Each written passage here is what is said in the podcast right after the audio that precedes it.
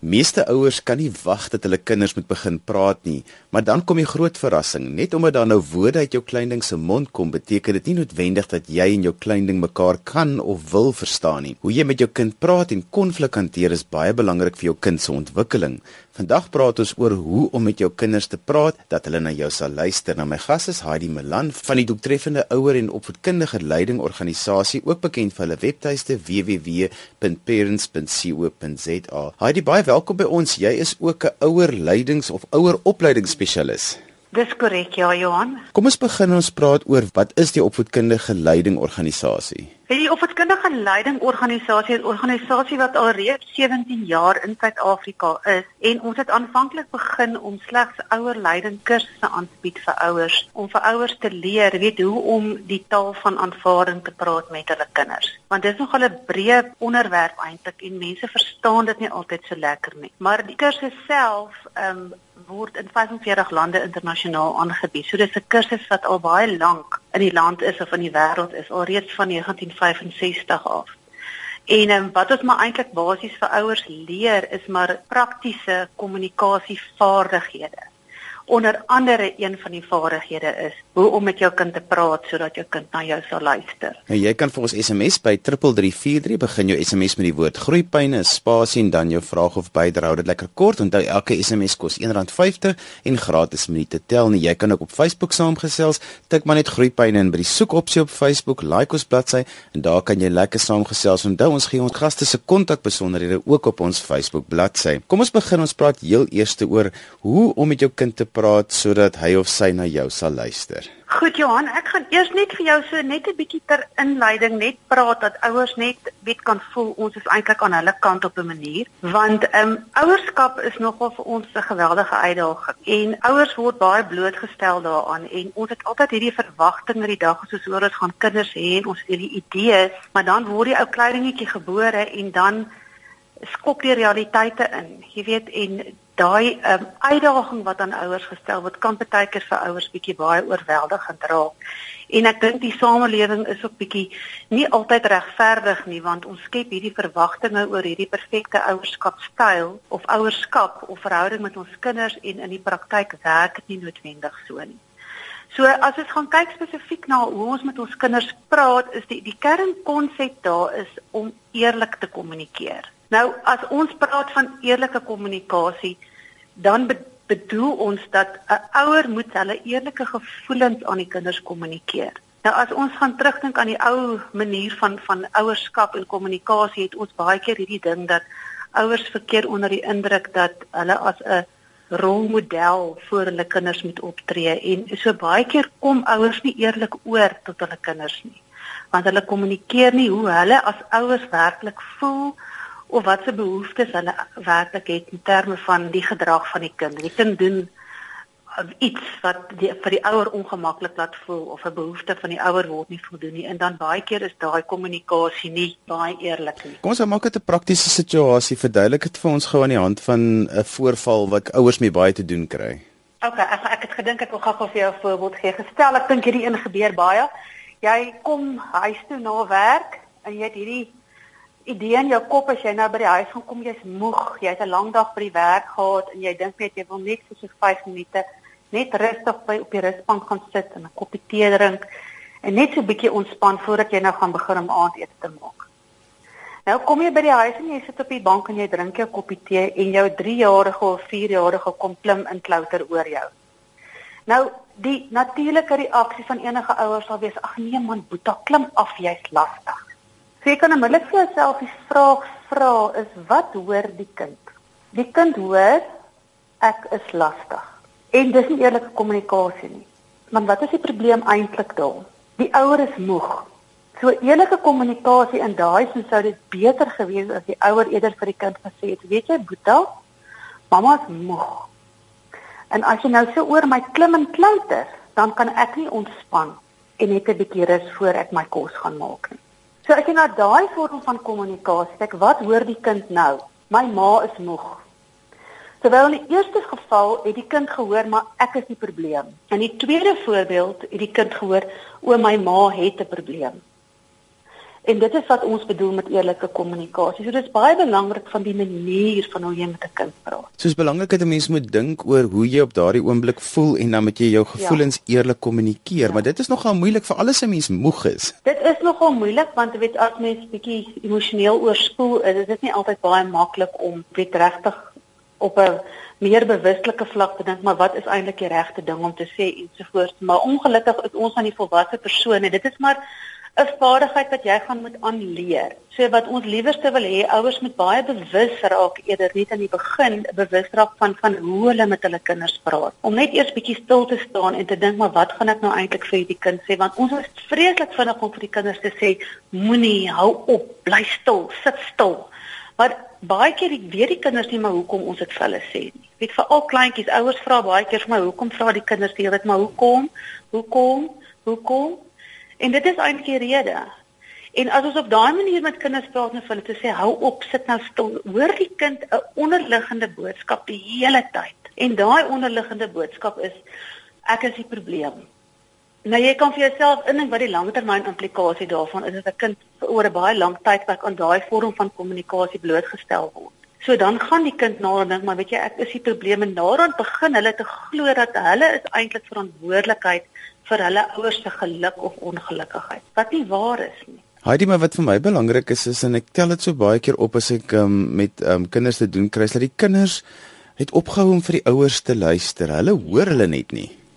Weet jy, dit is waar, maar ek gaan weer terugkom na dit. Dit gaan maar baie keer ook om die manier hoe ons praat. Weet jy, sal baie keer kind vind as 'n kind bietjie ouer word dan sluit hulle heeltemal af en as hulle maar sê wie mag praat, net praat, net praat, maar die kind luister nie wat ek sê nie.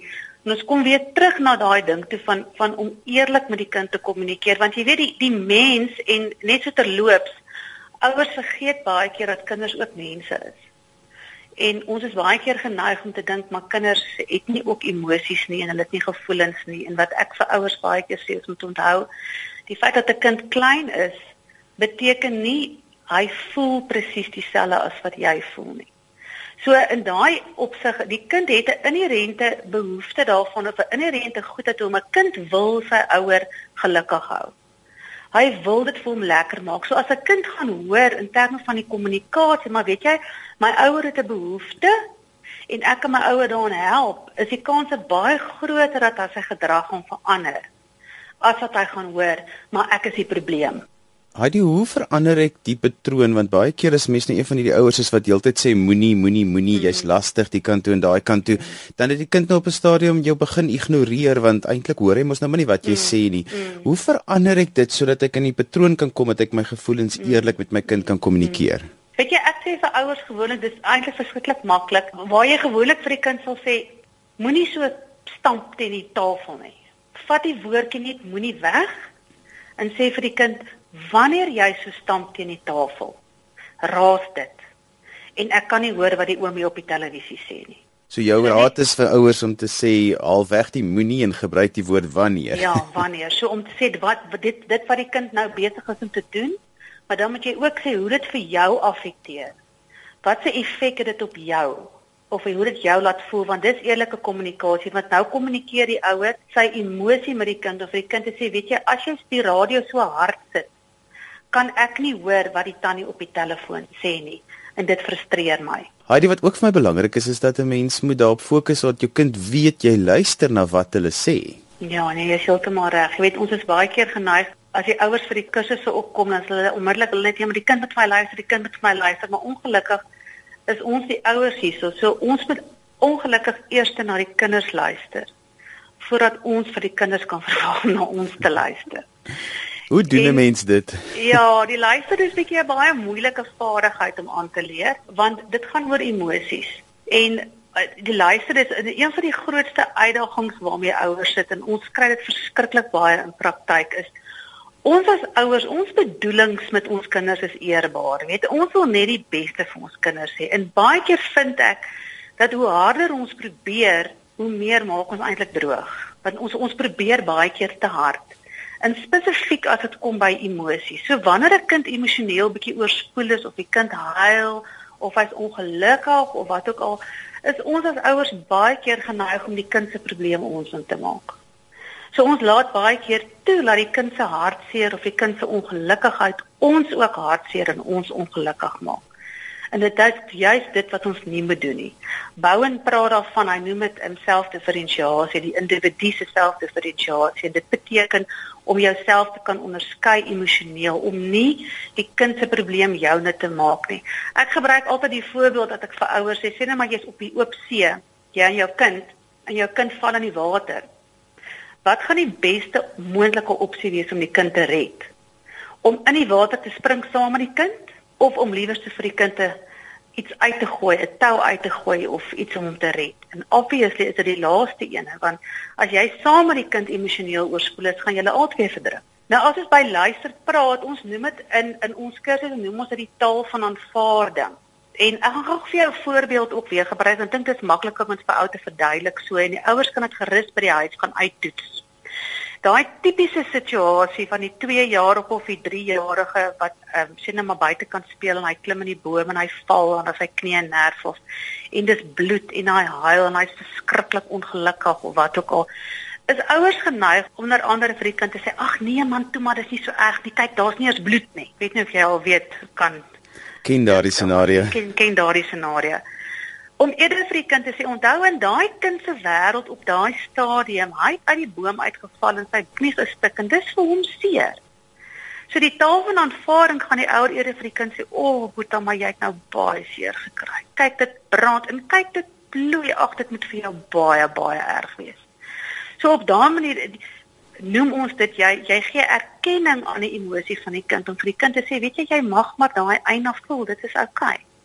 En dan daarna kan jy miskien opstaan en Afrikaans sê kom ons gaan kyk of daar net dalk 'n pleister is, maar nooit ooit in daai hele situasie moet jy vir die kind sê ag man moenie huil nie, dis nie so erg nie.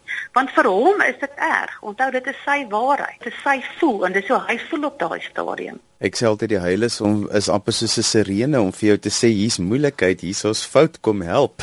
Ja, en dan moet jy hom toelaat om van daai huil ontslae te raak. Jy luister na Groepyne. My gas vandag is Heidi Melan van die organisasie Doeltreffende Ouer en Opvoedkundige Leiding. En ons praat vandag oor hoe om met jou kinders te praat dat hulle na jou sal luister. Heidi, konflik in 'n gesin en probleme, die oplossing daarvan is net so tydelik. Hoe kan ons dit oplos dat dit opgelos bly? Ja, jy weet dit is 'n baie moeilike ding en mense het ongelukkige negatiewe konnotasie daaraan as hulle die woord konflik hoor. En ek dink dat die rede daarvoor is is dit is maniere ons konflik hanteer want as daar gewoonlik konflik is in die manier van hantering is dit maar daar's altyd 'n party wat verloor en 'n ander een wat wen.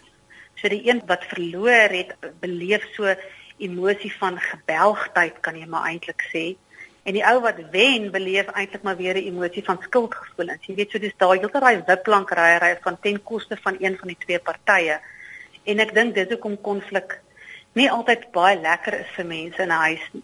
Maar ek sê vir ouers gewoonlik ons moet eintlik net op 'n ander manier daarna kyk en vir jouself sê as daar konflik in die huis is, dan is dit maar 'n sinoniem vir dis bietjie chaos op daai stadium.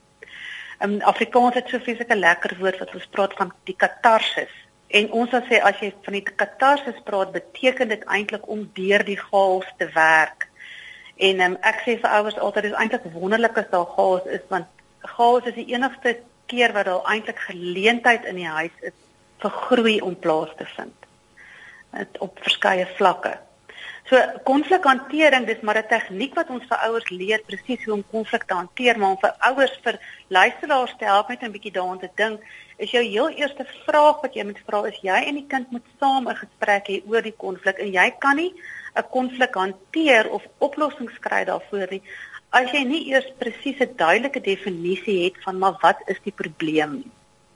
So jy gaan heel jy gaan saam met die kind sit en vir die kind sê, "Oké, okay, kom ons praat, ons het 'n probleem hier, so duidelik, het ons konflik want ons behoeftes bots." Nou sê vir mamma gou-gou, "Hoekom wil jy môre aand fliek toe gaan sien 'n argument van tafel? Wat is jou behoefte?" En dan kan jy daar rondom met jou kind 'n gesprek hê om te sê nee, jy ek hoor en op daai stadium moet die ouers net hulle daarvan weerhou om nie die kind in die rede te val en te probeer verduidelik nie om die kind uit te luister. En ook te bevestig dat 'n mens hulle reg gehoor het want dit is baie ja. keer goed om in jou eie woorde ja. terug te sê, maar dat dit is wat jy vir my gesê het. Ja, ja, heeltemal reg, want jy moet seker maak jy en jou kind is op dieselfde bladsy. Maar dan moet jy nog steeds ook vir jou kind sê, "Oké, okay, weet jy mamma het nou gehoor wat jy sê, maar weet jy dit is my behoefte. Dit is hoekom ek nie wil hê jy moet sê net maar argumente tot waar môre aanvlieg toe gaan nie. Wat is die so, woorde wat 'n mens gebruik? Hoe hoe stel, jy dit vir jou kind dat hulle verstaan? Jy verduidelik maar vir die kind. Jy weet dis weer as jy terug gaan na eerlike kommunikasie toe om vir die kind te sê, weet jy, kom ons kyk of ons hierdie probleem kan oplos op 'n ander manier sonder dat ons mekaar hoef te skree en te gil of wat ook al. En jy verduidelik vir hom en sê, weet jy, dit gaan nie oor behoeftes en jy moet vir mamma sê, "Hoekom wil jy dit doen?" en ek gaan vir jou sê hoekom ek dit wil doen. Weet jy, ouers is baie keer geneig ek ons het groot geword met daai ouerskap mite van ons moet 'n rol vertolk as 'n ouer. En ehm um, dit dit werk nie want dit is prakties nie uitvoerbaar nie. Weet so jy wil op die ou einde net deur die manier jy konflik hanteer of die manier jy met jou kind praat, wil jy eerder jou kind beïnvloed as ek hom regtig wil opvoed. En konflik hantering en die manier jy daai konflik hanteer om daai kommunikasie met jou kind te hê, gaan jy die kind daardeur baie beter beïnvloed as jy konflik reg hanteer. So op daai manier op jou kind te verduidelik, as jy weet jy, jy gaan jou behoeftes sê en ek gaan my behoeftes sê en dan gaan ons saam besluit van 'n moontlike oplossing vir hoe ons hierdie konflik gaan hanteer. Maar jou belangrike punt is daar as jy na 'n moontlike oplossing gaan kyk is om vir jouself te vra jou jou vraag moet die hele tyd wees: voel ek ons oplossing wat ons gaan maak is ten koste van myself of voel die kind die oplossing wat ons gaan kry is ten koste van onsself. So ons benader konflikhantering dat op die ou einde die oplossing waarby jy moet uitkom met 'n wen-wen situasie wees. Dit moenie 'n ooreenkoms wees. Daar's nog 'n redelike verskil tussen ons het 'n ooreenkoms as wat ons 'n wen-wen situasie. So beide partye moet voel maar weet jy ek is gemaklik met hierdie oplossing wat ons gekry het. Heidi, kom ons gebruik 'n lekker praktiese voorbeeld wat vir alle tieners van toepassing is en dit is sê maar nou die gebruik van hulle selfone. Hmm. Ouers is hoogs geïrriteerd alhoewel die ouers meeste van dit ook op hulle selfone is. Is hulle ja. hoogs geïrriteerd met die tieners wat die ja. hele tyd op hulle selfone ja. is. Hoe sal ek dit kan gebruik dat dit 'n wen-wen situasie is vir albei? Ja, ja. Weet jy ek sal eerstens net vir die kind voor die tyd sê, weet jy, eh, argument na vir die kind sê weet jy mamma het nou na 'n praatjie geluister oor die radio van konflikhantering. So voorkomend wil ek vir jou sê ek wil kyk of ons hierdie manier hierdie probleem kan oplos want ek het nog 'n probleem daarmee dat jy so op jou selfone is en alles. So gaan dink bietjie vir mamma dat ons een, een of ander tyd wanneer daar tyd geleë is wat vir jou gaan pas dat ek en jy rustig kan sit en gesels, kan miskien 'n koppie koffie gaan drink iewers te of net by die huis gaan gesels dat ons kyk maar maar hoekom is dit vir mamma 'n probleem en hoekom is dit hoekom is dit vir jou nie 'n probleem. Laat die kind so lank voorkom en daaroor gaan dink maar wat is sy behoefte in terme van die gebruik van die selfoon. En dan as die tyd reg is en onthou konflikhantering kan jy nie doen as enig van die partye emosioneel oorspoel is nie. So wat baie keer gebeur, veral aan die begin as mens konflik hanteer, kan een van die partye baie emosioneel raak. En dan moet die ouers eers weer teruggaan om erkenning te gee aan daai emosie om vir die kind te sê, weet jy, ek kan hoor jy is nou baie ontstel hieroor. Ek kan sien jy is nie nou lus om met my oor te praat nie. Dit krap jou om. Ehm um, kan ons later weer oor praat tot jy weer in balans is of wat ook al. So daai ding is baie belangrik want baie keer as mens konflik hanteer dan aktiveer jy die kind want die kind se homself onmiddellik verdedig. Maar om dan terug te kom na konflikhantering, toe jou heel eerste stap sal wees om te definieer om te sê maar wat is die probleem in terme van ons behoeftes. So die probleem met die selfone is dit en dit en dit. Hoekom wil mamma nie hier moet gebruik nie? Die probleem aan jou kant is jou behoefte is dit en dit en dit. So stel alreeds by stap 1 as mens net 'n gesprek kan hê met die kind in terme van wat die partye se behoeftes is in terme van die probleem.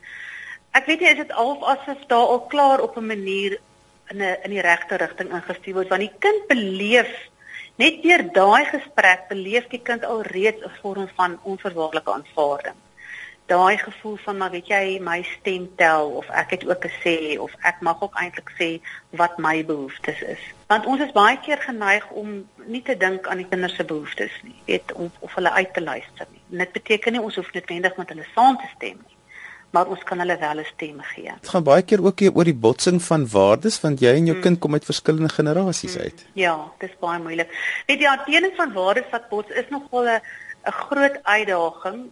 Maar wat ek vir ouers baie keer ook sê, jy weet, dis hoekom hoe jonger jou kinders is en hoe vroeër jy begin om op die regte manier te kommunikeer, hoe minder is die moontlikheid dat jy as die kind ouer gaan wees waardes gaan hê wat gaan bots want dan was jou invloed op die kind net soveel groter van die kind het ook gevoel hy het in 'n huis groot geword waar die omgewing veilig is en waar sy emosies tel en waar hy erkenning gegee word aan sy emosies, hy emosioneel veilig voel. So die kanse dat 'n kind dan vreeslike botsing van waardes gaan hê is nogal redelik skraal, maar mens kan dit nie uitsluit nie want daar is weet as maar altyd dinge wat gebeur daar buitekant. Maar jou jou beste manier om waardes wat bots te voorkom is maar die voorbeeld wat jy as ouer stel. Dis primêr. Ons het maar daai ou gesegde wat sê monkey see monkey do. Dit so ek sê altyd vir die ouers as jy wil hê jou kind met jou met respek behandel, moet jy hom ongelukkig eers met respek behandel. En as jy wil hê jou kind moet jou groet, moet jy hom ongelukkig eers groet want dit is die voorbeeld wat jy stel in hoe jy met ander mense praat, hoe jy met ander kinders praat, hoe jy met jou man praat, hoe jy met jou kinders. So al daai goeters is maar 'n voorbeeld is maar seker een van die belangrikste opvoedingsstyle wat daar is. Ja, ons kan nie van die onderwysers verwag om vir ons kinders maniere te leer nie. Ons moet dit vir hulle by die huis leer. Ongelukkig ja, weet jy, dit begin ongelukkig by die ouers. Die die fondasie word maar gelê daai eerste 0 tot 5 jaar eintlik.